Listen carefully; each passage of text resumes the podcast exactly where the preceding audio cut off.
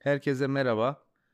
11 Ekim 2023 tarihinde paylaşılan cari denge ve perakende satışlar verisini değerlendireceğiz.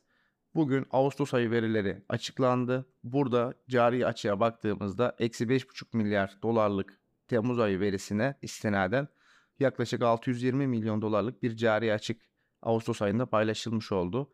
Buradaki gelişimi pozitif olarak değerlendiriyoruz. Hem turizm gelirlerinin pozitif katkısı hem de talep yönlü daralmanın cari dengede hafif de olsa negatif bir e, etkiyle aktarıldığını görüyoruz. Diğer taraftan yıllıklandırılmış cari dengeye baktığımızda burada 58,5 milyar dolardan yaklaşık 57 milyar dolara geri çekilmiş oldu. Bunun bir diğer etkisi de tabii ki son dönemde konuştuğumuz Merkez Bankası'nın sıkılaştırma politikalarının etkilerini de aslında hem cari denge üzerinde hem de perakende satışlar tarafında görüyoruz. Burada bir önceki verinin %2.7'lik bir artış olmasına istinaden bu ay %4.7'lik bir talepte geri çekilmenin olması da oldukça önemli. Genel anlamda piyasa için pozitif diyebiliriz.